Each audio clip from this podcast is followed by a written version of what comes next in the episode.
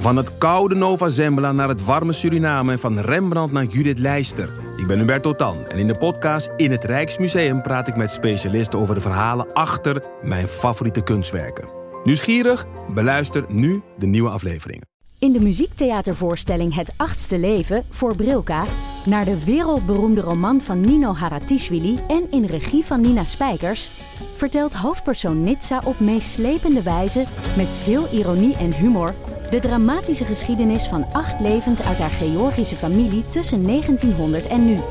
Een hartverscheurend en tegelijk troostrijk drama verteld vanuit het perspectief van vrouwen uit verschillende generaties waarbij het publiek meegenomen wordt op een emotionele, visuele en muzikale reis door de 20ste eeuw. Koop je tickets voor het achtste leven via oostpol.nl. Jeetje, mineetje, we zitten hier met 200 mensen. Ben ik een beetje zenuw? Misschien, maar hoe het ook zij. Welkom mensen in de zaal, welkom mensen thuis bij Damn Honey.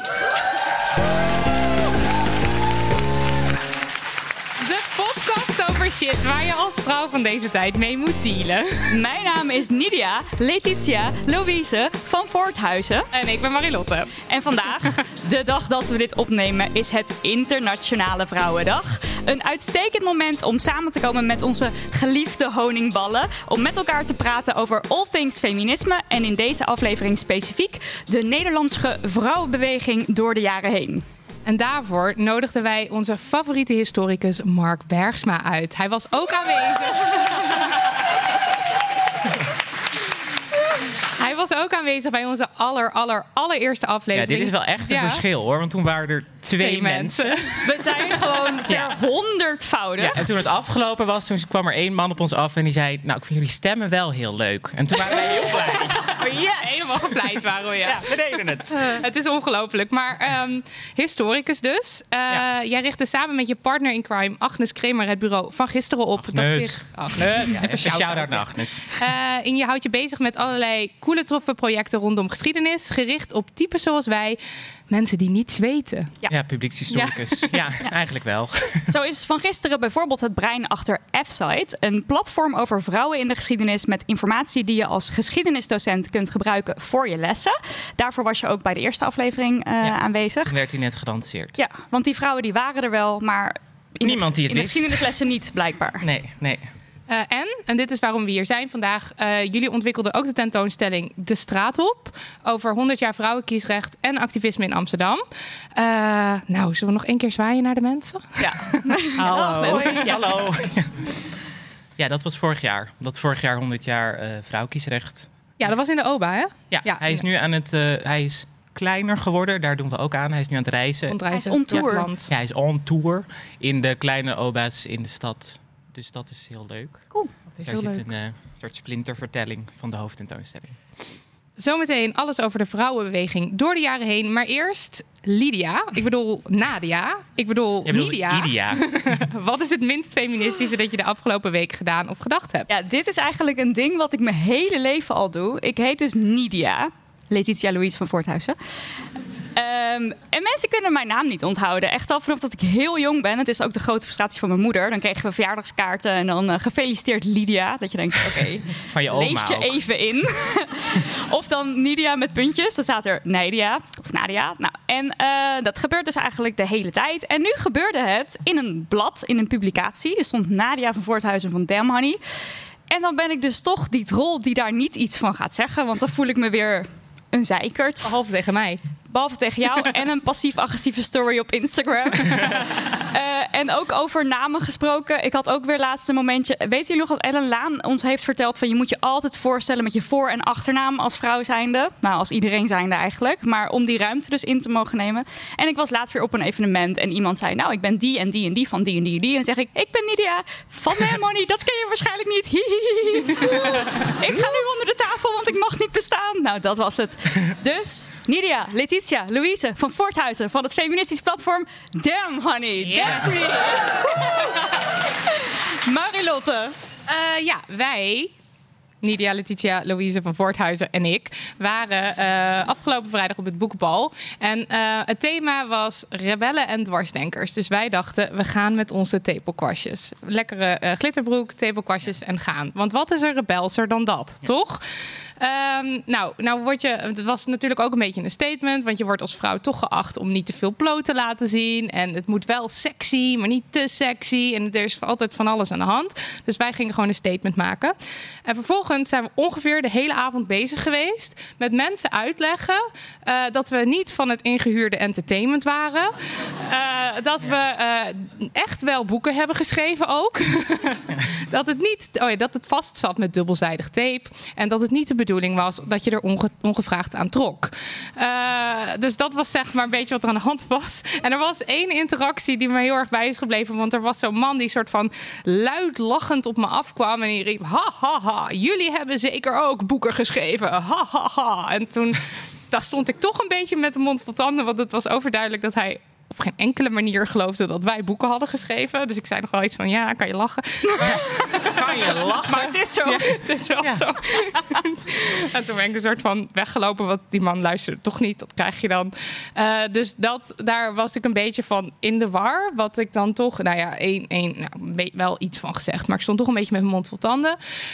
Maar ik denk dat het de, de minst feministische actie was eigenlijk wel op die avond dat ons aller Cherry opeens voor me stond en dat ik geen glas wijn in zijn gezicht heb leeggegooid. Mark Bergsma. Ja. Doe jij ook nog wel eens wat minst feministisch? Zeker, zeker. Heel veel. Um, deze week, we hadden natuurlijk, uh, we hebben vandaag de Women's March. En we hebben ook een WhatsApp-groep voor de F-site, waar we dan heel veel feministische dingen deden te zeggen. Ik ben wel de enige man, dus daar ben ik me ook wel van bewust. En we moesten de posters uitzoeken en er was van alles over layout. En Agnes die uh, wilde op het einde van de één poster veranderen. En toen schreeuwde ik heel hard: dat is een stijlbreuk! Dat kan helemaal niet! En toen ging ik daar heel lang over door. En toen dacht ik op een gegeven moment: ben ik nou aan het mansplainen of niet? En toen kreeg ik een soort internal conflict. Toen heb ik uiteindelijk wel het conflict uh, overwonnen. En toen kreeg ik ook gewoon mijn poster. Maar ik had wel een beetje. dat ik dacht, hè? En toen heb ik daarna Agnes nog gebeld. En die zei: nee, want ik schreeuw altijd. En dit is goed. En je bent al.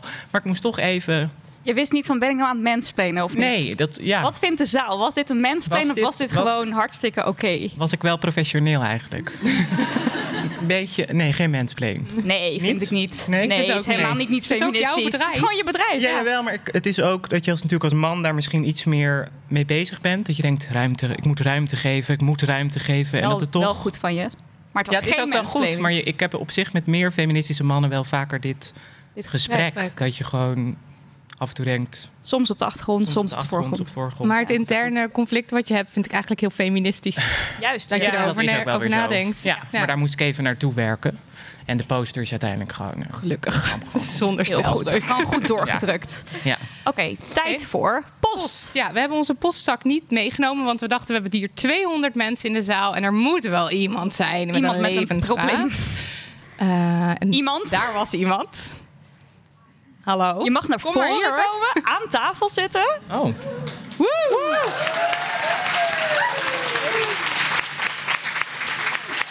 Nou, als je wil, vertel wie je bent. Als je dat niet fijn vindt, dan hoeft dat niet. Als dat je het anoniem wil houden.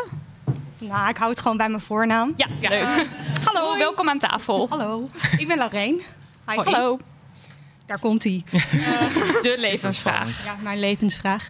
Eh, ik ben promovendus, ik ben onderzoek aan het doen. En mijn eh, PhD is onderdeel van een groter eh, project met nog 15 andere mensen in heel Europa.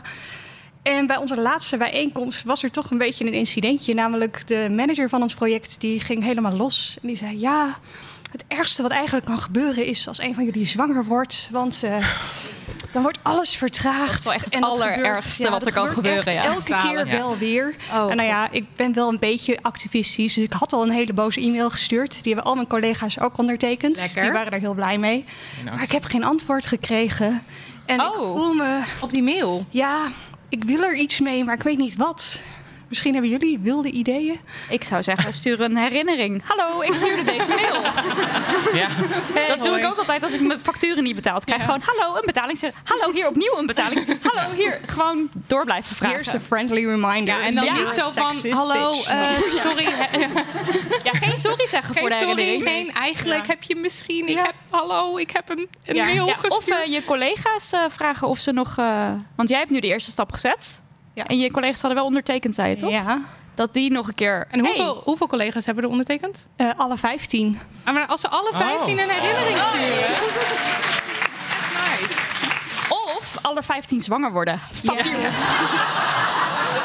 Ja, we, we hadden ook bedacht dat we allemaal... Want er zijn zelfs er zijn tien vrouwen en we zijn beta's, moet ik er even bij zeggen. Maar dat is ook weer niet zo heel erg feministisch van om dat te zeggen. Maar goed, we hadden al bedacht dat we allemaal binnen een uur een e-mailtje stuurden van... hey, fantastisch Leuk nieuws!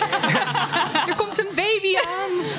Dat is ook een heel goed idee. Ja, misschien ook niet. Nee, achter, achter eh, de broek aan zitten. Ja, gewoon En blijven lekker bezig hè? al. Ja, Ja. thanks. Ja, Go. heel goed. Succes!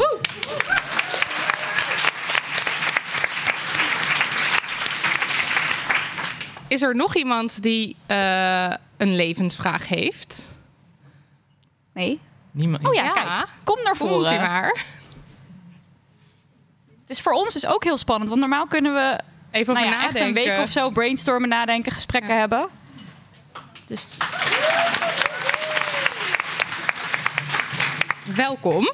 Dankjewel. hallo. Wil je je naam zeggen? Of liever Ja, anoniem? Oké, hallo. Hallo, ik ben Anouk. Hallo. Ehm, en ik ben vorig jaar voor het eerst verliefd geworden op een meisje. Dat was hartstikke leuk. Heel leuk. Ja. Alleen het probleem met meisjes is dat we allemaal een beetje gewend zijn dat andere mensen achter ons aan zitten. Dus dat betekent dat ik nu voor het eerst moet flirten en initiatief moet nemen. En ik merk dat ik zo ontzettend vaak, als ik met een meisje probeer te flirten, een beetje verander in een koorbal. Omdat ik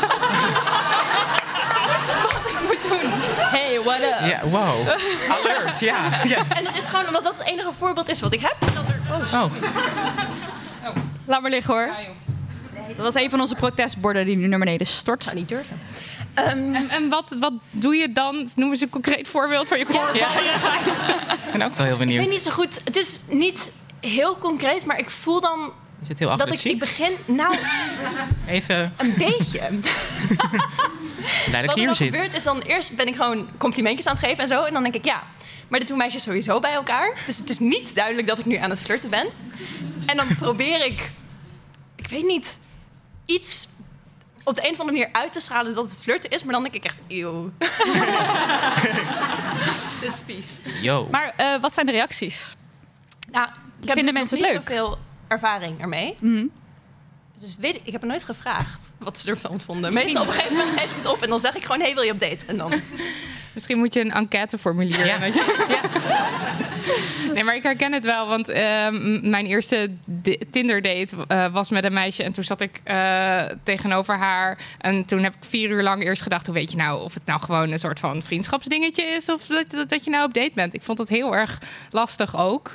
Eh, en op een gegeven moment heb ik ook maar gewoon het initiatief genomen. En, en ben ik haar gaan zoenen. Ik dacht, ja, het is Tinder. Dat moet, dat moet een soort van, weet je, dan heb je een soort van duidelijk. Want hoe eh, is het een, een, eh, wat voor date was het? Was het ook een Tinder-ding of niet? Of gewoon in de Eh, club misschien. Nee, wel mensen die ik dan eentje bij orkest ontmoet... en eentje ergens bij een... Bij een- Ja, dus niet overduidelijk dat je denkt, oké, nu zijn we op date. Ja, dat is lastig dan. Ja. Ik, eh Help. lesbisch in de zaal. Iemand met een goed advies. Joe, joe, ik zie ze zitten. Ja, de Anne Plus crew is aanwezig. Hallo. Handje gaat in de lucht. Ja, ja. Nee, hoeft niet. Nee, hoeft niet. Eh, ja, ik, weet- ik, ik zou zeggen, in, in de, het korballerige, als je dat zelf niet zo prettig vindt, dan, eh, dan, dan moet je het misschien ietsje afzwakken. Maar het is wel goed als op een gegeven moment iemand initiatief neemt, want anders blijft, blijft de onduidelijkheid daar. Eh, ja, dus ik zou zeggen, keep it up.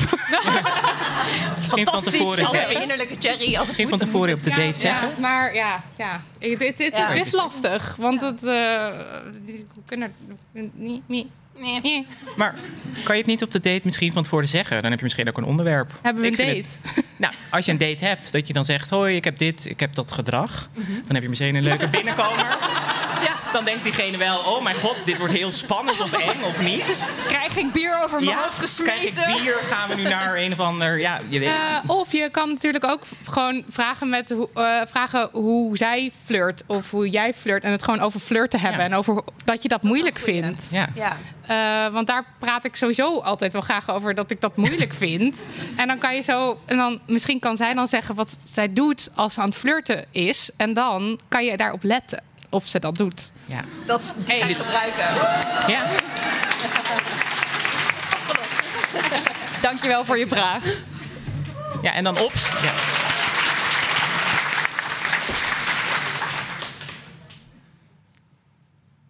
Ja, jij staat in het script. Oh, sorry. Nee. Maar hebben we een toentje nodig? Oh ja, we hebben een tuentje. Oh. nou, dan doen we dit wel even. We moeten het even hebben over de geschiedenis van de Nederlandse vrouwenbeweging. Yes. Vrouwenbe- vrouwenbeweging. Eh, want wij gaan straks met z'n allen de straat op. Hartstikke, nou ja, leuk, maar ook Goed. goed, ja, goed. Belangrijk. Belangrijk. Eh, en, en we gaan dat doen, want er is ongelijkwaardigheid en we pikken het niet langer. Maar dan is het wel goed om het te hebben over de geschiedenis. Eh, en dan is eigenlijk mijn eerste vraag, want daarvoor is Mark hier en Mark weet heel veel over de geschiedenis. Alles. Ja. Nou. Waarom is historisch besef zo belangrijk? Ehm, nou ja, wij zijn natuurlijk publiekshistorisch. We proberen altijd dat eh, verhaal naar een groter publiek te brengen. Omdat het, het is zo belangrijk om jezelf te sterken. En je in de geschiedenis te herkennen. Als jij nu straks de straat op gaat, dit heeft gewoon een hele lange geschiedenis. En het is ook niet alleen maar tweede golf. Ik bedoel, waarschijnlijk kent iedereen wel Dolomina. Maar de eerste golf was bijvoorbeeld ook heel activistisch. En er zit gewoon een hele geschiedenis aan vooraf. En wij hebben, Agnes en ik, komen vaak tegen dat, dat historisch besef ook bij activistische bewegingen vaak mist. Dat is ook goed voor ons, want dan hebben wij werk. Dus hou dit vooral Hou dit gewoon vast. Dat ik de hele tijd Ja. langskom om dit soort dingen te vertellen. Maar het is natuurlijk wel goed om. ehm, we kijken soms heel statisch naar de geschiedenis. Van oh, 100 jaar geleden. Het is allemaal heel kort. En we kijken heel erg naar. Oh, dat waren vrouwen met grote hoeden en jurken en met een bord. En het zal allemaal wel. Maar wij zijn die mensen. Wij worden over 100 jaar ook dit. En we hebben wel meer. Wij laten meer dingen na. Maar als je gewoon meer op die geschiedenis inzoomt en je leest gewoon hoe die mensen, waarom ze de straat op gingen, wat het voor hen betekende, wat het hen ook gekost heeft, ja, dan raakt je dat wel en dan ga je toch op een andere manier de straat op. Het is een soort inspiratie op de schouders staan van die vorige Ja. generaties. Ja, het is echt inspiratie om. eh, en ook voor ons, voor ons werk hoor. Want het is. Ik bedoel, historici hebben niet per se een beeld van dat we allemaal hip en sexy zijn. Maar jij wel. Maar ik wel. Nee. maar ik wel, nee. Ehm, maar het is wel. eh, we hebben natuurlijk als taak om in die archieven te gaan en om die stemmen te zoeken. En dat hebben we bijvoorbeeld ook gedaan voor die tentoonstelling. En wij leren dan ook gewoon heel veel. Ja. Ehm, ik vind, mag ik een voorbeeld noemen wat ik Ja. gewoon heel eh, mooi vond? We gingen die eh, tentoonstelling maken van dit jaar Vrouwenkiesrecht. En toen gingen we die archieven in. En dan kom je van alles tegen. Dat is bij Atria, het Vrouweninstituut voor Emancipatie en Vrouwengeschiedenis. Toen zij ons vroegen om die opdracht te doen, waren we echt zo... ja, want daar zit... dat is gewoon het grootste archief van vrouwengeschiedenis. Nou, je komt van alles tegen en heel veel primair materiaal. Dus veel brieven, dingen. En we stuiten toen op enquêtes. Dus enquête, dit sluit ook weer aan. van eh, uit de jaren 30. Het eh ATA is in 35 opgericht. En de eerste feministische golf is van 1880 tot loopt het ongeveer in de jaren 20. En in de jaren 30 waren zij heel erg bezig om die eerste golf te archiveren. En zij zijn toen eh, gaan nadenken van, nou, wat willen we eigenlijk doen? En toen hebben ze enquêtes uitgestuurd naar allemaal leden van de eerste golf. Dus die zijn allemaal geboren in 1840, 1860. Aletta Jacobs was al wel overleden, maar die had heel veel memoires achtergelaten, dus dat was oké. Geen zorgen. Maar ze hebben toen allemaal vragen gesteld van waarom ging jij toen de straat op? En waarom ging jij bij deze beweging? En wie kende je? Wat ging je doen? En het mooiste was ook, dit is jaren 30, dit is vlak voor de Tweede Wereldoorlog. Er is allemaal moeilijke bewegingen en nare bewegingen die in opkomst zijn. En zij vragen dan ook: heb je een advies aan de nieuwe generatie of wat vind je van de nieuwe generatie? En daar komen zoveel parallellen ook met nu. En wij kregen echt tranen in onze ogen toen we gewoon, we hadden linea direct contact met de mensen van de eerste golf. Ja, het advies voor ons was je aan het lezen. Ja, en het was ook niet per se, er was heel mooi advies. Er was ook heel veel, daar moesten we erg om lachen, dat sommige feministen zeiden: Dit uiterlijk vertoon van deze generatie vrouwen en we moeten godverdomme de straat op. en glitterbroeken, ja, want denken ze wel niet. Ja, en de loonkloof. En ik bedoel, al die dingen, ze waren gewoon nog heel erg bezig. Maar het, uh, hoewel de jaren twintig waren heel emanci qua emancipatie waren vrouwen heel erg steeds vrijer aan het worden. Maar in de jaren 30 was er heel erg een teruggang. Dus die vrouwen, die waren allemaal 70, 80 en die voelden gewoon heel erg van dit gaat mis. Mm. En het ging mis. Want heel veel vrouwen zijn ook toen, dat was nog het schrijnen, in die enquête zaten heel veel Joodse vrouwen zaten in de eerste golf. Die zijn heel veel zijn vermoord. Ja. Dus je leest dat gewoon op die manier met een, met een blik. Dat je denkt, ja, dit, moet naar dat grote publiek. Dit, en wij willen dat zo heel graag dan ook gewoon naar die activisten van nu. Want we zijn dan altijd een beetje zo. En ik wil ook niet per se met zo'n vingertje van. Nou, nu moeten jullie het hele oeuvre van Joke Smit lezen. En nu allemaal aan. Nou, eigenlijk wil ik dat wel, maar. maar het is een beetje. Wij moeten dat nu vertalen. Maar het is wel goed om dat besef te hebben. In deze vierde golf ook. Ik benoem, we benoemen dit gewoon nu even als de vierde golf. Dat er heel veel mensen voor ons waren. En dat we dat. Vergeet dat alsjeblieft niet. En ga dat ook opzoeken. En kan je een voorbeeld van zo'n advies geven, wat ze dan bijvoorbeeld gaven? Uh, heel veel was wel gewoon blijf gewoon uh, doorgaan, blijf vertrouwen hebben. Zij zijn zelf ook gewoon begonnen. Uh, ik bedoel, de eerste golf wordt vaak ook een beetje geframed als een elite iets. Dat was het absoluut niet. Het was een echt een massabeweging. Daar komen ook de eerste demonstraties vandaan. Daar gaan we Mensen van alle hoeken van Nederland. Van alle hoeken van Nederland kwamen overal vandaan. Um, de vrouwkiesrecht was het hoofdonderwerp van, uh, van de eerste golf. En daar had je de Vereniging voor Vrouwkiesrecht, was het hoofd. Had je een hoofdbestuur en dan had je in het hele land allemaal subbesturen. Dus tot in het kleinste dorp had je allemaal vrouwen en mannen. Want je had ook een mannenbond voor kiesrecht, dat wordt ook altijd vergeten. Uh, mannen stonden ook gewoon, uh, vochten gewoon met hem mee. En daar was dus heel veel actie, echt heel veel actie. En wat ik zelf ook wel typisch vind ik weet niet of jullie dat herkennen hier in de zaal. Dat mensen zeggen, huh, feminist, uh, dat is toch niet meer nodig en zo. En dat ze dan um, denken dat vroeger iedereen het eens was met de feministen. Terwijl dat was natuurlijk niet zo. Want anders hoefden we niet, de, ik, noem, ik noem mezelf maar even onderdeel van die groep, de straat op. Dus het was toen ook echt wel heftig om te zeggen ik eis dit. Het was niet zo dat iedereen was van... oh ja, tuurlijk, vrouwen zegt dat is een vet goed idee. Let's go. Nee. Terwijl nu doen mensen wel zo over feminisme. Zo. Nou ja, we vertalen heel vaak... Uh, het is heel anachronistisch... dus dat je eigenlijk de huidige maatschappij verplaatst naar het verleden. Dat je denkt, oh nou, dan, dit, nu denken we zo. Dus toen dachten ze ook, let's go. 19, 1900, woe. Lekker de straat op. Ja, maar je zit natuurlijk in een hele andere maatschappij. Waar de kerk nog, het patriarchaat, eh, alles is uh, kolonialisme. Alles is, het is een hele andere maatschappij dan nu. Dus dan stuiten ze op wel echt veel verzet? Ja, ontzettend veel verzet. Um, ik bedoel, iedereen kent waarschijnlijk Aletta Jacobs natuurlijk. Ja, dat vinden wij altijd een beetje moeilijk, omdat dat een. Wij houden heel erg van Aletta Jacobs. Zij was een zij is het, het beeld geworden van die massabeweging, maar het was dus een massabeweging. En wij um, zijn zelf heel erg aan het propaganderen met Wilhelmina Drucker. Zij is eigenlijk. Nou, zij is wel bekend. Ik, misschien hebben jullie haar ook wel eens in de schoolboeken gehad. Zij is niet onbekend. Maar zij was nou echt een radicaal feministe. Zij is ook de oprichter van de Vereniging voor Vrouwenkiesrecht. Zij heeft de Vrije Vrouwenvereniging in de jaren 80 van de 19e eeuw opgericht. Omdat zij gewoon. Ze had er genoeg van. En zij was principieel. Zij wilde gewoon grondwettelijke gelijkstelling tussen man en vrouw. En de Dolomina's zijn naar haar vernoemd? Zijn naar haar vernoemd, naar Wilhelmina Drucker. Die hebben dus, de tweede golf heeft heel erg teruggekeken naar die eerste golf. Dus en zij heeft ontzettend veel narigheid over zich heen gehad. Maar wat was er dan zo radicaal aan? Wat was er anders radicaal dan Aletta? Ja. Um, nou, Aletta was ook wel radicaal, maar die koos uiteindelijk meer voor een gematigde weg. Dus um, kijk, degenen die echt radicaal waren, waren de suffragettes in Engeland. Oh, ja. Die bliezen kerken op en die bonden zich vast aan het paar jaar. En Wilhelmina Drucker dacht de hele tijd, ja, dat wil ik ook.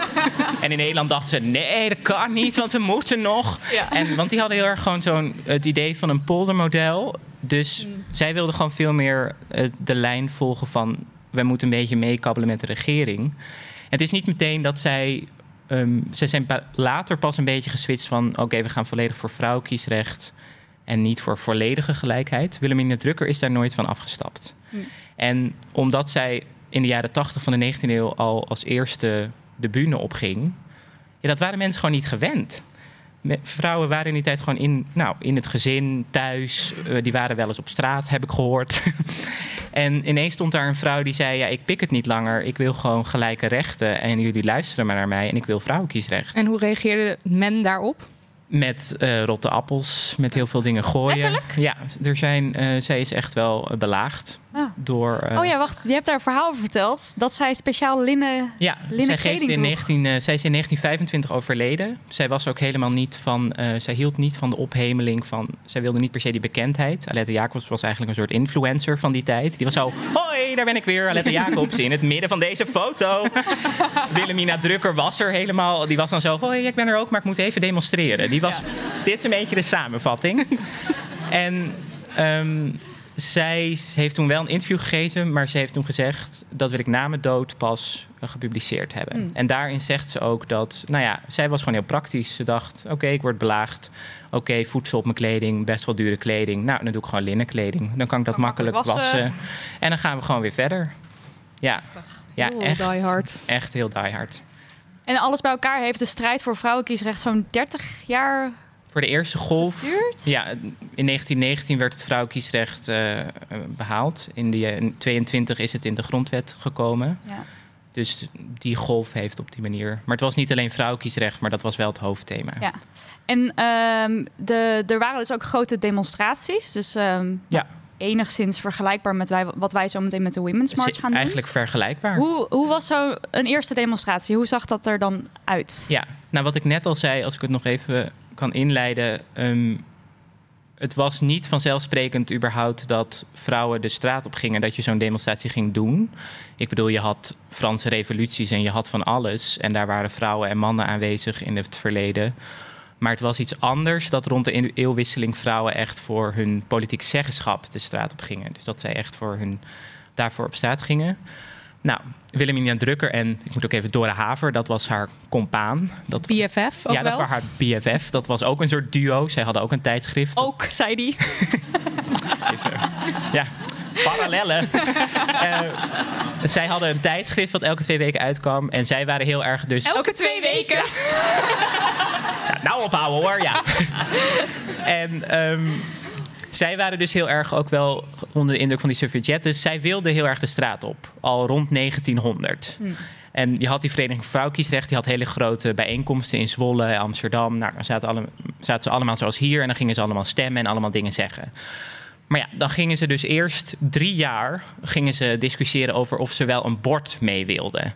Nou, Letterlijk drie jaar? Nee, het is echt, het is geen grap. Was het maar een grap, omdat zij niet, ze, vrouwen werden natuurlijk gezien alleen eigenlijk vroeger prostituees gingen echt waren op straat. Dus het was een heel ander Anders had je altijd een metgezel. Hoe heet dat? Een, eh, een chaperone had je als je ergens naartoe moest. Dan, dus het was voor die vrouwen een, echt zo, ja, maar dat, dat kan toch niet? En dus er zijn hele lange discussies en dat is wel goed om je te realiseren. Dus dat duurde heel lang.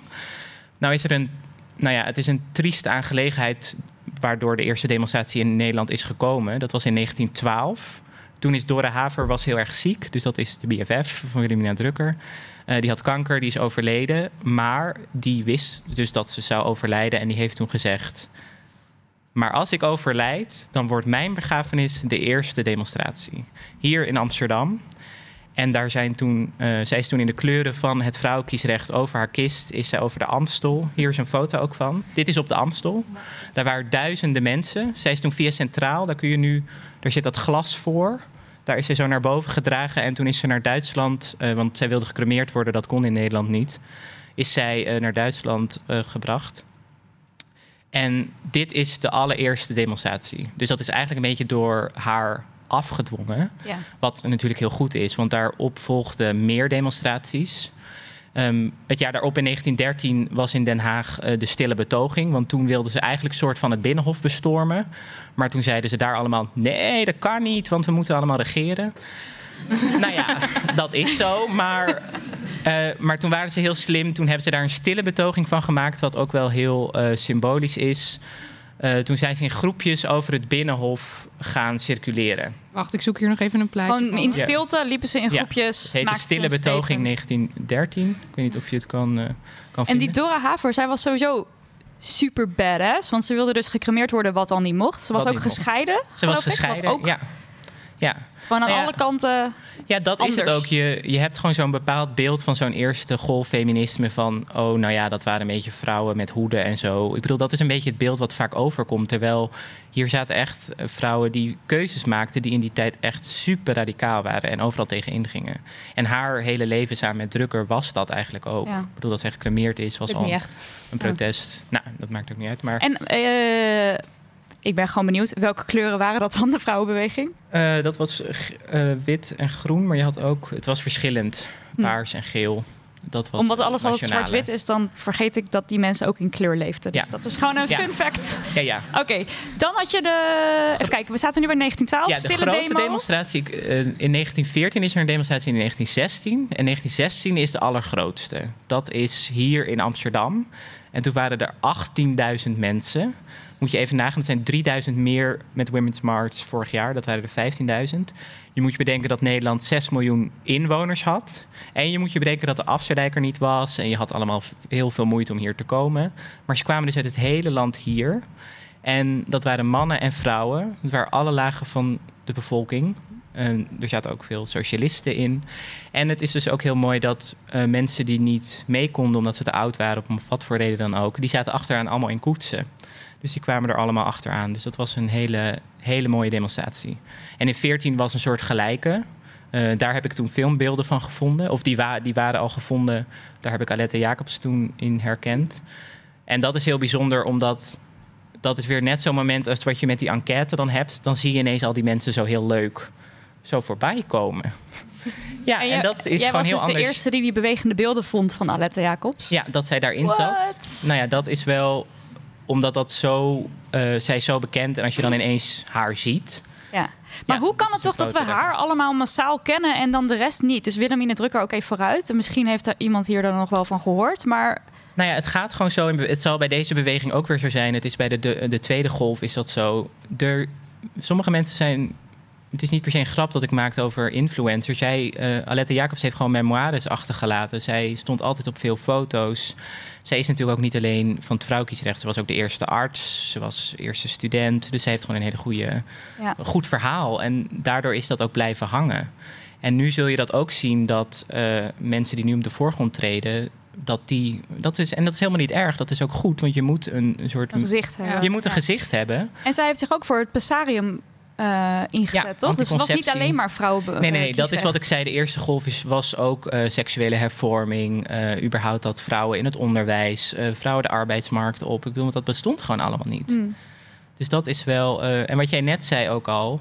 Binnenbeweging. Het was ook niet zo dat iedereen met die 18.000 eh, man en zo, dat iedereen zo. Nou, wij zijn het echt gezellig allemaal eens. En wij hebben al 30 jaar geen conflict. Ik bedoel, nu zie je, en in de tweede golf, er waren heel veel afsplitsingen. Wilhelmina Drukker heeft zich uiteindelijk afgesplitst. Maar eh, stonden ze wel allemaal eh, tijdens die demonstratie daar? Nee, Wilhelmina Drukker was er bij 1916 niet bij. En 1914 dan weer wel? Wel, maar dat Omdat ze het er niet mee... Omdat Nee, ze, omdat ze in 1916 hebben zij gekozen. eh Alette Jacobs heeft toen gezegd... Oké, een grondwettelijke gelijkstelling van man en vrouw gaan we waarschijnlijk niet halen. Dus wij gaan, willen graag vrouwenkiesrecht. En Wilhelmina Drukker zei, ja, wacht eens even. Ja. Wij moeten gewoon helemaal gelijk worden. En toen heeft zij de vrouwen, Vrije Vrouwenvereniging opgericht. Of, en toen eh, is zij niet komen opdagen, omdat Hm. zij gewoon zo vasthield. Het was niet een makkelijk eh, vrouw hoor. Zij is waarschijnlijk Principes. ze had gewoon heel erg Ja. principes en het, ze heeft het echt nageleefd tot haar dood. ja, dus het idee, je hoort nu ook heel vaak als commentaar van... het is te versplinterd, het feminisme nu. Het is nu denk ik wel nog meer versplinterd. Maar toen Ja. was dat dus ook Toen had je dat ook. Er waren ook vrouwen die we, eh, eh, met, wel met mannen bijvoorbeeld wilden, vrouwen die dat niet wilden. Die richten dan gewoon allemaal eigen clubs op. Ik denk wel dat het doel voor vrouwenkiesrecht was gewoon iets duidelijker Ja. dan Ja. bijvoorbeeld nu. Waar je meer, denk ik, intersectionaliteit en dingen. Er zit gewoon iets veel meer versplintering. Ja. Wat niet erg is, maar wat soms inderdaad wel ook. Maar dat wordt ook wel, eh, als je nu mensen hoort praten over de eerste en tweede golf, is het een soort van. Toen strijden ze voor vrouwenkiesrecht en toen voor se- seksuele vrijheid. En Ja. dat het nu dan een soort van onduidelijk is. Nou ja, maar geschiedenis niet is, ook beeldvorming. Hè? Waarschijnlijk, wij worden uiteindelijk over 100 jaar wordt ook. En toen gingen ze dat. Terwijl als wij dan wij denken 112 van, zijn, dat we denken, nou, dat was niet. Ja. Oh ja. Ja, het was ook heel anders. Dus bedoel, ik denk wel dat het duidelijker is, maar het is nu veel versplinterd. Wat wel jammer is, want dat hoor ik wel meer mensen zeggen ook binnen. Gewoon als, we, als je die historische analyse doet, het zou wel.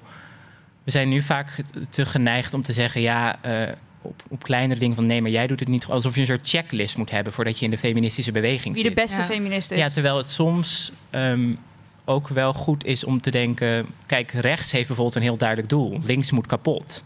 En wij in links zitten dan... Ja, maar we zijn niet vegan. Of ik, ik bedoel, dat is heel goed en daar moet je ook aan vasthouden. Maar het is wel goed om ook een soort gezamenlijk doel te hebben. Zodat je niet... Kritiek leveren, maar tegelijkertijd wel samen sterk staan. Nee, kijk, je moet als een, als een feministische golf wel een soort energie hebben. En als je alle energie gaat steken in elkaar de les lezen... Ja. Dat mag je heus doen. En als jij dat graag wil. Maar ik denk niet dat het je het grotere doel. Ik bedoel, degene waar tegen je vecht is, kom je alleen maar tegemoet. Zelf weten, maar niet zo slim. Ja. Misschien. Ja. Oké, laten we doorgaan naar de tweede golf. Ja, Dat is dus, nou, voor, voor mij is dat Dolomina, zie ik dan meteen voor me. ja. Het is misschien Ja, maar- leuk om te weten, want die foto met baas in eigen buik, die is eh, op 14 maart volgende week, bestaat die 50 jaar. en Oh, ja. eh, wat wij niet wisten, is dat het dus met lipstift erop geschreven was. Want wederom, ook toen hadden ze ook kleur. maar dat weten wij nu niet. ja. Toen was Eh, kleur al uitgevonden. En heel erg gaan stiften bestonden niet. Stiften bestonden Stiften niet. bestonden niet. Eh, en een van de vrouwen op de foto, misschien kan je hem even erbij pakken. Zij staat helemaal. Links op de foto. Haar vader had het erop geschreven. Hij was het er eigenlijk niet mee eens.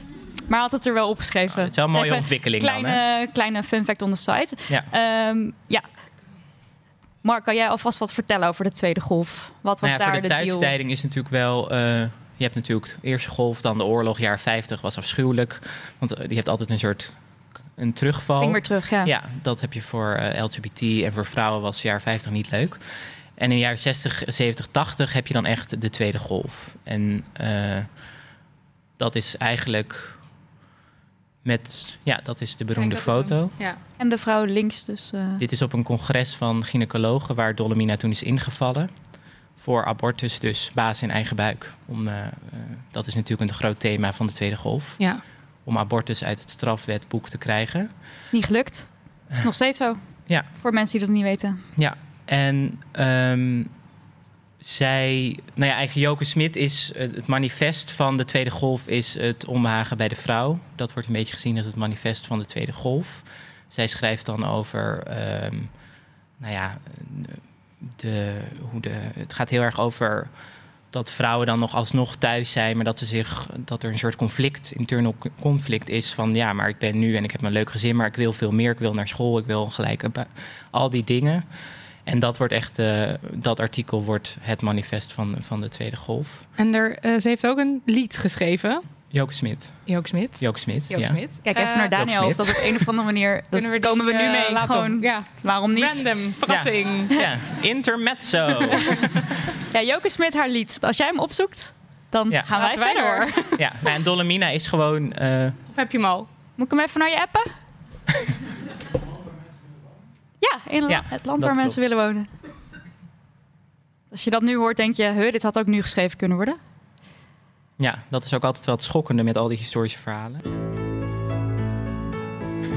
Allemaal. Dus Er is een land waar vrouwen willen wonen. Waar vrouw zijn niet betekent, tweederangs en bang en klein. Waar vrouwen niet om mannen concurreren. Maar zusters en gelieven kunnen zijn. Waar rimpels niet de eenzaamheid voorspellen. Waar paspoort zijn naar wijsheid, 's werelds raadsvrouw zijn, waar jonge vrouwen een leven voorbereiden, waarin ze 40, 60, 80 zullen zijn.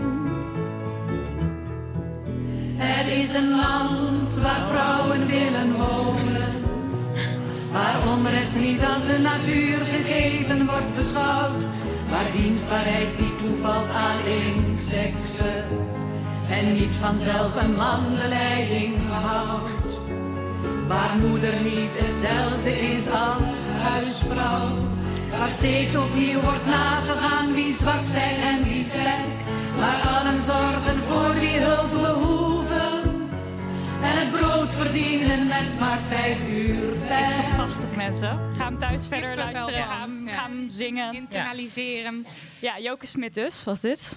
Ja, en Dolomina staat natuurlijk heel erg bekend gewoon om de ludieke acties ook. Waar ik net vertelde over in de eerste school, waar zo gaan we de straat op. Huh? Was Dolomina juist, we gaan nu de straat op en ook goed. Ja. En, dus dat is heel mooi om te zien. en ik denk dat, eh, want als ik aan de Dolomina's denk, ja, dan denk ik aan die foto. Maar eh, op de een of andere manier ook aan verbrande BH's. Ja, dat Is is, dat dus een klopt? mythe. Dit is een mythe. Dit was niet zo. Nee, ehm, de, ze hebben een actie gedaan. Dat was Nijrode. Dat was de, de business school waar eh, vrouwen niet naartoe mochten. En toen hebben ze die bestormd. En toen hebben ze daar een stevige toespraak gehouden. En toen zijn ze die dag geëindigd bij het standbeeld van Wilhelmina Drucker in de rivierenbuurt. Weer. En toen hebben ze een corset verbrand. Ah. Als symbool van natuurlijk de eerste, eerste golf ook. En als ode aan. En toen is daar kennelijk is dat misgegaan. Qua historiografie. Dat zo was het nou een BH. Wat was het? Waarschijnlijk was er zo'n verslaggever die dan. eh, maar dat is gewoon een mythe. Dat Ja. is nooit, eh, dat dat is is nooit waar. gebeurd. Nee, nee, dat is niet waar. En zij hebben toen ook al gevochten voor het plasrecht. Wat ook Ja. dus niet helemaal gelukt Ja, dat was is. ook een actie die, eh, waar zij onbekend staan. Ja, ze hebben toen de volgende dag, dat was dus na Nijrode, hebben zij in Amsterdam linten om de plaskrullen gedaan. Ja, dat zijn die, die gekke vieze dingen die heel erg stinken. Waar Ja, je dus die gaan makkelijk met een penis ook, hoor. kunt Nee, plassen. daar wil je absoluut niet in. Maar met een eh vulva wordt het lastig. Ja, en daar eh, om gewoon ook een beetje het wat vaak natuurlijk ook goed werkt om het om te draaien van ook te confronteren van ja, nu kan je er niet in, nu kan je niet plassen, maar wij kunnen al heel lang niet plassen. Dat werkt natuurlijk vaak het beste om te laten zien hoe gek bepaalde regels zijn en hoe raar het is dat sommige dingen niet geregeld zijn Ja. voor En- vrouwen om te En dat plassen. deden ze ook met, eh, want ik heb een filmpje gezien waarin ze ehm, als groep vrouwen een man gingen lastigvallen. Mannen gingen straat. intimideren. Ja, ja. Eh, gaan ze allemaal zo. Hey! Tieten! Ja, inderdaad. Maar dan niet Maar dan tieten, maar dan ja, iets anders. Lekkere ballen. Nou ja, maar dat is hetzelfde. Ja, zo. Ja? Nou, dit is. Oké, ja. Maar dat is hetzelfde principe om natuurlijk gewoon aan te tonen van als je het omdraait, hoe raar dit is. En het is wel heel leuk als je die beelden dus ziet van het Polygoonjournaal. Dat er zo heel de hele tijd van die Keurig. keurige echtparen zo. En dat die vrouw zo, oh nee, die man moet het niet zien. Dat zij enge zo, vrouwen. oeh, ja, die Ja. enge vrouw het. Maar dat plasrecht, ik vind dat zo... Toen ik daar dus achter kwam dat zij daar ook al voor streden... was het Ja. echt zo van... Oh my god. En want voor de mensen die dat niet weten, Geert de Piening, die heeft Ja. dus een paar jaar geleden wild geplast na het uitgaan, want ze kon geen wc vinden. Toen is er een rechtszaak gekomen voor de boete die zij kreeg, want zij zei van ja hallo, maar de wereld is niet ingericht voor mij. Ik kan hier niet met mijn Nee. vulva ergens normaal plassen en dus eh, is het gewoon niet eerlijk dat ik een boete krijg. En toen heeft de rechter dus gezegd, je had naar een plaskrul moeten gaan. Even, iedereen die hier een vulva heeft, weet dat je niet in een plaskrul daar normaal kan gaan plassen, toch? Dat is belachelijk. En toen ik dus die beelden zag van die vrouw van de Dolomina's, Ja. die dan met een soort koordje stonden ze voor de, voor de plaskrullen met 25 cent. Want wij moeten ook altijd geld betalen als we ergens willen plassen. Ja. Dat was, vond ik heel powerful om te zien. Nou ja, dat en is- frustrerend. Ja, dat is zo'n voorbeeld waarvan je inderdaad kracht kan putten. Dat je denkt, ja, ik denk, Geert weet het natuurlijk ook. Dat, Ja, tuurlijk, de, ja. De tweede golf, veel daarvan zijn ook nog onder ons. Dus zij, eh, dat is fijn dat die dat nog kunnen overleveren. Maar het is natuurlijk schrijnend dat we 40 jaar, 50 jaar later... dat dat nog steeds een issue is. Ja, en het is soms net alsof die mensen heel ver van ons afstaan. Maar eigenlijk dealen we dus nog steeds met dit soort Ja, omdat, ja, het is in die golfbewegingen en die, die ontwikkelingen duren vaak gewoon heel lang. Ja. Hey, nou hoor je ook vaak dat het helemaal geen inclusieve beweging was. Erg wit, bijvoorbeeld. Nou ja, voor de eerste golf is dat ingewikkeld, omdat Nederland een heel ander land was. Het was een veel witter land. Er waren natuurlijk mensen van kleur. En, eh, het was een andere maatschappij qua machtsstructuren, kolonialisme. Het was wel, de eerste golf vind ik altijd bijzonder om te weten. Het was een transnationale beweging, dus er was wel heel veel interactie tussen alle landen. En bijvoorbeeld ehm, Indonesië, wat toen Nederlands-Indië was, had een hele, nu beroemde feministen die bijvoorbeeld correspondeerden met Amsterdamse feministen. Dat zat allemaal wel weer ingebed in allemaal moeilijke machtsstructuren van kolonialisme. Maar En dat was helemaal aan het begin van de eerste golf, ja, dat toch? was Cartini. Ja. Zij is eh, eh, aan 1904 overleden. Zij is heel jong overleden. Maar zij eh, correspondeerde met Amsterdamse feministen. Dus het, er was een transnationale beweging. Alleen was die ingebed in hele moeilijke koloniale machtsstructuren. Voor de tweede golf is dat heel anders. Want in de jaren 60, 70, 80 is de opkomst ook van de antiracismebeweging. Waar veel vrou- veel vrouwen van kleur in zitten. En je hebt eh, de ZMV-vrouwen. De zwarte, comma, migranten en vluchtelingenvrouwenbeweging. En zij ehm, zijn, het zijn eigenlijk, dat is bijzonder, dat zijn niet alleen zwarte vrouwen, maar dat zijn dus vrouwen van allerlei verschillende etniciteiten. Dus ook Italiaans, Spaans, eh, voormalig Joegoslavisch. Die allemaal bij elkaar komen. En zij staan eigenlijk eh, ehm, aan de wieg van intersectionaliteit ook. Ja. En eh, Gloria Wekker zat daar bijvoorbeeld ook in. En Philomena Asset. En Gloria Wekker heeft er afgelopen oktober in Pakhuis de Zwijger een heel mooi college over gegeven. Want dit is niet heel bekend. En die eh, beweging is ook niet tot eh, heel goed beschreven nog. Dus dat zou ook een oproep. Zij doet ook die oproep tijdens dat college van het zou ook mooi zijn als daar meer over bekend wordt. Omdat Ja. we ons allemaal in die bewegingen willen herkennen en in die geschiedenis. En zij waren er dus gewoon. En zij waren eigenlijk al een beetje schoorvoetend met, of niet schoorvoetend, zij waren al met die intersectionaliteit bezig. En dan kun je nagaan dat dat pas nu, Een beetje leeg. 40 jaar Ja. dat dat nu leeft. Ik bedoel, Kimberly Crenshaw, die zaten allemaal, zij zaten allemaal in diezelfde Ja, Kimberly Crenshaw die schreef het stuk waar intersectionality... eh, in die tijd, die had ook contact met Gloria Wekker. eh, Of zij was geloof ik student van Kimberly Crenshaw. Ik weet niet meer precies hoe het zit. Kennen elkaar in ieder geval. Zij kennen elkaar Ja. in ieder geval. Dus zij kenden elkaar allemaal in die, in die beweging. En het was een hele... Die ZMV-vrouw was een hele actieve... Moest heel erg lachen om Gloria Wekker. Die vertelde dat ze had haar maandloon ging op aan telefoonkosten... omdat zij de hele tijd bellen was. met iedereen aan het bellen was. Omdat het, iedereen was wel heel activistisch. En, eh, dus dat is wel een soort... Er is een scheiding geweest tussen wel de witte... Want Dolomina is, vrij- is gewoon een was witte... dus niet zo inclusief. Nee, en daar herkende zij zich niet in. En toen hebben zij zich nou ja, afscheiden. ehm, dat is wel gebeurd omdat ze wel racisme aan de kaart hebben gesteld. Maar dat, ja, dat ging niet helemaal goed. Dus Ja. toen hebben ze zelf ehm, gewoon een beweging opgericht. Maar het is niet zo dat zij... Er waren natuurlijk allemaal vriendschappen onderling ook. Tussen wit en zwart en alles. Dus het is niet zo dat het een hele gescheiden beweging was. Maar zij zochten in wel... elkaar over. Ja, zij zochten wel, maar zij zochten wel hun eigen stem. Ja. Door eh Gloria Wekker heeft bijvoorbeeld in de jaren tachtig eh, onder andere Sister Outsider opgericht. Dat was een, eh, een zwarte lesbische literaire kling rond Audre Lorde. En die is hier toen ook naartoe gekomen. Dus zij waren ook heel erg zoek. Dus dat is, als je ziet van voor de oorlog, na de oorlog, is daar een gigantisch verschil. Ja. Maar dat valt natuurlijk ook samen met grote processen als decolonisatie en allemaal dat soort. eh, En ook in die tweede golf had je weer radicale feministen. Eh, ik schrok zo toen ik dit verhaal las. Joke Smit, die je net hoorde, die is, die is ook jong overleden. En die wilde heel graag door feministen in haar kist gedragen worden. Toen was er dus een feminist, ik heb haar naam even niet paraat, Anneke. Anneke van Balen. Balen. Die Ja. zei, Van Balen. nee, want je bent me niet radicaal genoeg, dus ik ga jouw kist niet dragen. Ja. nou ja, dat is weer, is weer Het een is beetje. ook een radicale tak Ja. geweest. Ja. Ja. en dat heb je, nou, ik wil niet zeggen dat heb je nu ook, maar het radicale heb je nu ook. Ja. Ik bedoel, je zult eh, in deze hele beweging ook weer gematigd, eh, radicaal en zijlijn mensen. Ik bedoel, dat heb je gewoon in elke beweging. En zo Ja. zal het ook de geschiedenis ingaan. Overigens, eh, mocht je zin hebben om de lezing van Gloria Wekker terug te luisteren, dat Ja. kan dus gewoon eh, op de website van Pakhuis de Zwijger. Ik zal even een linkje in de show notes zetten, want het is wel heel inter- interessant. Ja, dat is echt een aanrader. Nou, we, Ja. we moeten alweer bijna gaan afronden, maar nog kort de derde golf. Ja, wat Eh, is dat what eigenlijk? met die derde golf? Niemand, Ja. Ik heb helemaal geen plaatje voor me, ik zie geen mensen voor me. Nou, Help. ja, maar ik ook niet. Jij moet dit weten. Nee, ik, de derde golf is, eh, dat is in de jaren negentig. En dat is eigenlijk meer een academische golf. Dus Mm. eigenlijk alle de eh, idealen die in de tweede golf, die werden toen getheoretiseerd. Het, het kwam ook vanuit, het begon heel erg vanuit Amerika. Maar ik moet je eerlijk zeggen dat ik hier niet zo heel veel van weet. Het Maar blijft. het is dus ook veel meer academisch geweest dan Ja, op de straat. Het is dus ook veel minder zichtbaar met bijvoorbeeld beelden zoals van de tweede golf en dan ook wel de eerste golf. Dus ik weet, kennen jullie de derde golf? Ik wil het ook gewoon even. Handen? Nee, ik zie allemaal glazige blikken. Af en toe een eh knikje, Gelukkig. maar... Ja. Nou ja, wij waren waarschijnlijk te druk met de Spice Girls, denk Ja. ik. Ja, ik was ja. acht, dus ik heb geen idee. Ehm, maar daardoor is het... Die golf was er zeker, maar dat was meer een theoretische golf. Maar Ja. kan je, zou je dan kunnen zeggen dat het een soort van eh, onderaan begonnen is. En dat zeg maar eh, daarna het soort van de, de, de, de moeilijke laag van de, de elitaire laag van de maatschappij het heeft overgenomen om dat allemaal te theoretiseren? Of is dat dan raar om te zeggen? Ja, dat durf ik niet zozeer uitspraak over te doen.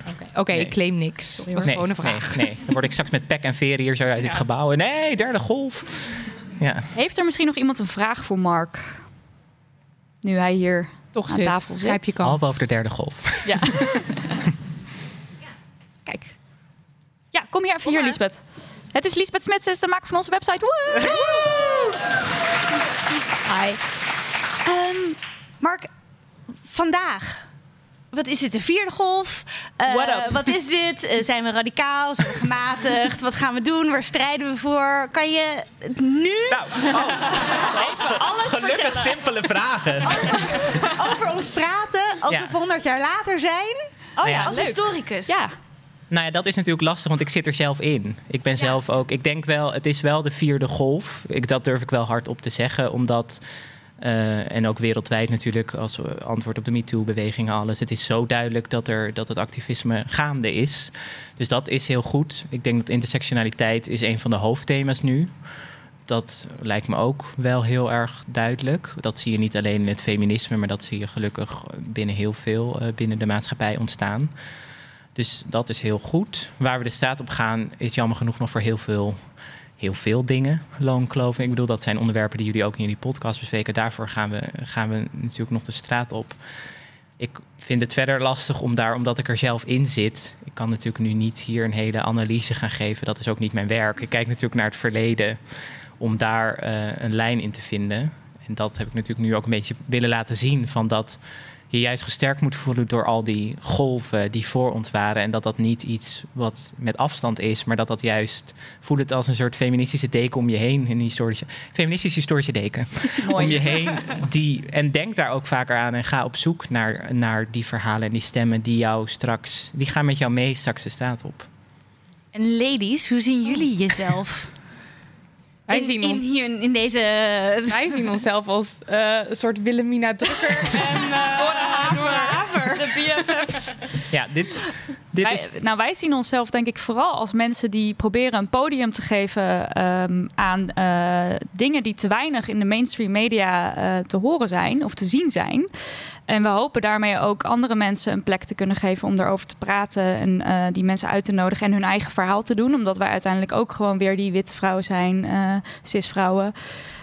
Ja, en wat ons doel is, eh, want oké, we geven mensen een podium, maar we hopen dus ook dat we een beetje opgepikt worden door de mainstream media. Waardoor, Ja. want we hoorden dus laatst bijvoorbeeld dat eh Huda, die een tijdje geleden bij ons te gast was over sport, eh, dat zij gevraagd was door het Jeugdjournaal om wat te komen zeggen. Omdat ze bij En ons- omdat ze bij ons bij te ons- gast ja. was. Ja. Dus dat Oh, zijn dan wauw. dingen waarvan ik denk, oké, maar kijk, dat is het doel. En dat horen we vaker van mensen, van dat ze uitgenodigd worden voor dingen omdat mensen van ze hoorden via Damn Honey. Dus dat is precies wat we willen. Die stemmen eh amplifyen, vergro- ha- Ja. ver- versterken en naar buiten brengen. En dat vond ik trouwens heel leuk aan Dora Haver en Willemien Drukker. Want Ja. die hebben dus dat tijdschrift, dat tweewekelijkse tijdschrift, opgericht. Omdat in de mainstream media het verhaal wat zij wilden vertellen ook niet voldoende verteld werd. Ja. Dus toen ik dat van jou hoorde, we hadden een voorgesprekje, ik wist het ook allemaal niet.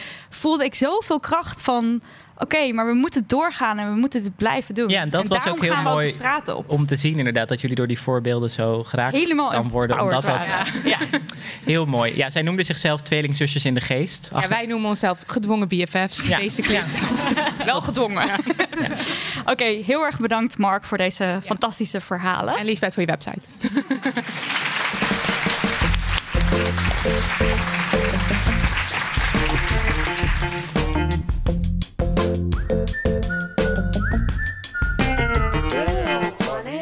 heel kort, want we moeten echt gaan afsluiten. De Damn Honey Yes en No. Ja. Marilotte, no? Eh, de no. Het is toch God geklaagd dat we anno 2020 nog steeds niet allemaal kunnen doen waar we zelf zin in hebben. Nog steeds niet gelijkwaardig zijn. En nog steeds met allerlei shit moeten dealen. Damn honey no.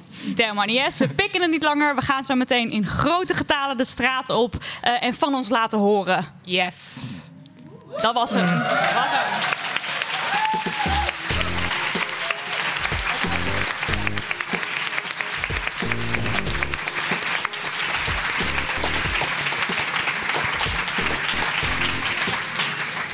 Dit was onze bonusaflevering live vanuit de Tolhuistuin.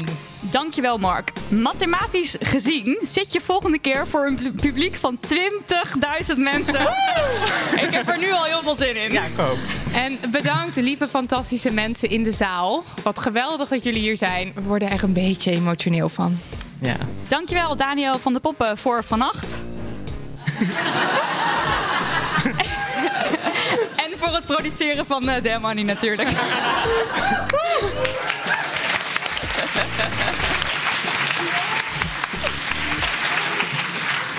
En bedankt Lucas de Gier voor de niet te overtreffen jingle. En Liesbeth Smit, thanks voor het bouwen van onze oogverblindende website.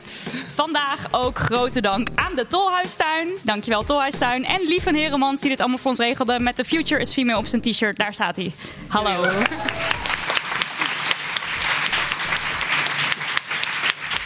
Yes, en aankomende zaterdag zijn we er weer met een reguliere aflevering. Maar nu eerst de straat op. Moedig straat op. voorwaarts. Doei.